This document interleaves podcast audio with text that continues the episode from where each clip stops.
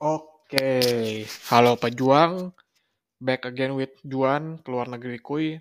Dan hari ini aku bakal uh, ngobrol lagi sama kalian setelah sekian lama dari November ya terakhir kali upload podcast dan hari ini aku mutusin buat ngomong gue lu sama kalian.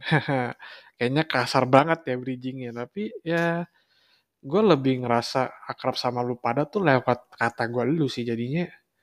Ya udahlah pakai gue lu aja. Lagi gue juga kalau ngobrol sama teman-teman di sekitar gue pas lagi main basket orang-orang di bawah gue tuh juga banyaknya pakai lu gue gitu. Oke, sebelum kita masuk ke episode hari ini, gue pengen ngejelasin kalau gue bakal banyak ngomong sama lu soal kuliah di Cina, budaya-budaya di sini, dan informasi-informasi yang ada di sini. Dan by the way, kalau misalkan ada informasi yang lu butuh ya silakan lu catat dan lu share ke teman seperjuangan lu kalau perlu. Oke, kita langsung masuk ke episode hari ini. Episode hari ini gue bakal bawain satu topik yang penting banget dan fundamental banget. Yang pastinya kalau lu salah-salah bisa berakibat cukup tidak mengenakan untuk lu dan orang yang lu ajak komunikasi di sana, baik dalam jual beli ataupun dalam ngobrol dan lain sebagainya. Dan bakal ngaruh ke kerjaan juga sih pastinya kalau miskomunikasi kan. Nah, poin-poin ini yang bakal gue sampein itu, lo catat baik-baik ya. Nah, nomor satu tuh, lo catat, ah, catat, um, apa tuh namanya ya? Oh, uh, apa yang lu harus tahu sebelum lu translate kata, abis itu nomor dua cara translate katanya, abis itu yang ketiga tuh uh, apa aja yang nggak boleh lu translate gitu. Oke, nomor satu uh, apa yang lu mesti tahu sebelum lu translate kata? Yang pertama tuh lu mesti tahu culture di sana tuh cara kerjanya kayak gimana. Kayak contohnya gini, di misalkan di Cina bagian utara nih Beijing, orang ngomongnya itu uh, ada R-nya kan. Nah habis itu lu cari tahu tuh kenapa dia ngomongnya ada R habis itu setiap kata per kata tuh maksudnya apa. Lu mesti tahu dulu jadi lu belajar mendengar sebelum lu berbicara. Emang ke sana tuh kayak ya udahlah harusnya kalau lu belajar ngomong ya ngomong aja tapi gue ngasih tips itu beda karena Ya kalau misalnya kita banyak ngomong, otomatis kita banyak salah, dan kalau misalkan banyak salah, otomatis kita nyaman bikin salah tanpa mau memperbaiki. Nah, makanya gue saranin ya lu dengerin dulu aja, kecuali kalau emang feel udah dapet ya lalu lu sikat gitu kan.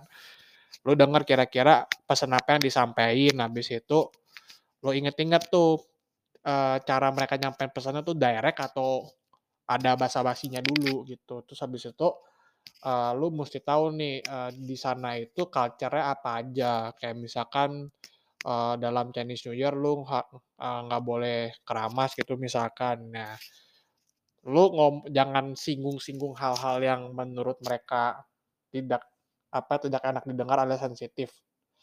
Terus habis itu lu juga kalau mau translate kata ya lo sesuaiin sama apa yang lu dengar di sana dan kalau misalkan artinya beda sama lu translate ya jangan lu tulis gitu.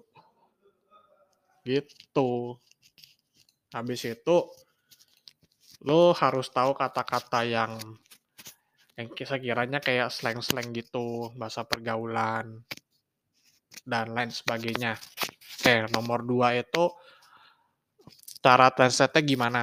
Oke, cara translate-nya itu lu um, bisa translate satu kalimat ke Google Translate, habis itu lo cocokin sama grammarnya, sama uh, pesan yang disampaikan dalam satu uh, kalimat, habis itu lo cocok-cocokin tuh translate sama kata-kata grammar yang perlu pelajarin. Kalau misalkan kata-kata kayak terlalu susah lo nggak familiar, ya udah lo ganti sama kata-kata yang lo udah pelajarin di kelas gitu, yang lo paling familiar biar lo bisa menyampaikan pesannya juga jelas.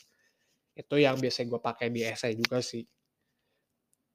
Dan habis itu kita langsung masuk ke tips nomor tiga karena nomor dua cukup itu aja, itu paling simpel. Yang nomor tiga ini apa aja yang nggak boleh lo translate.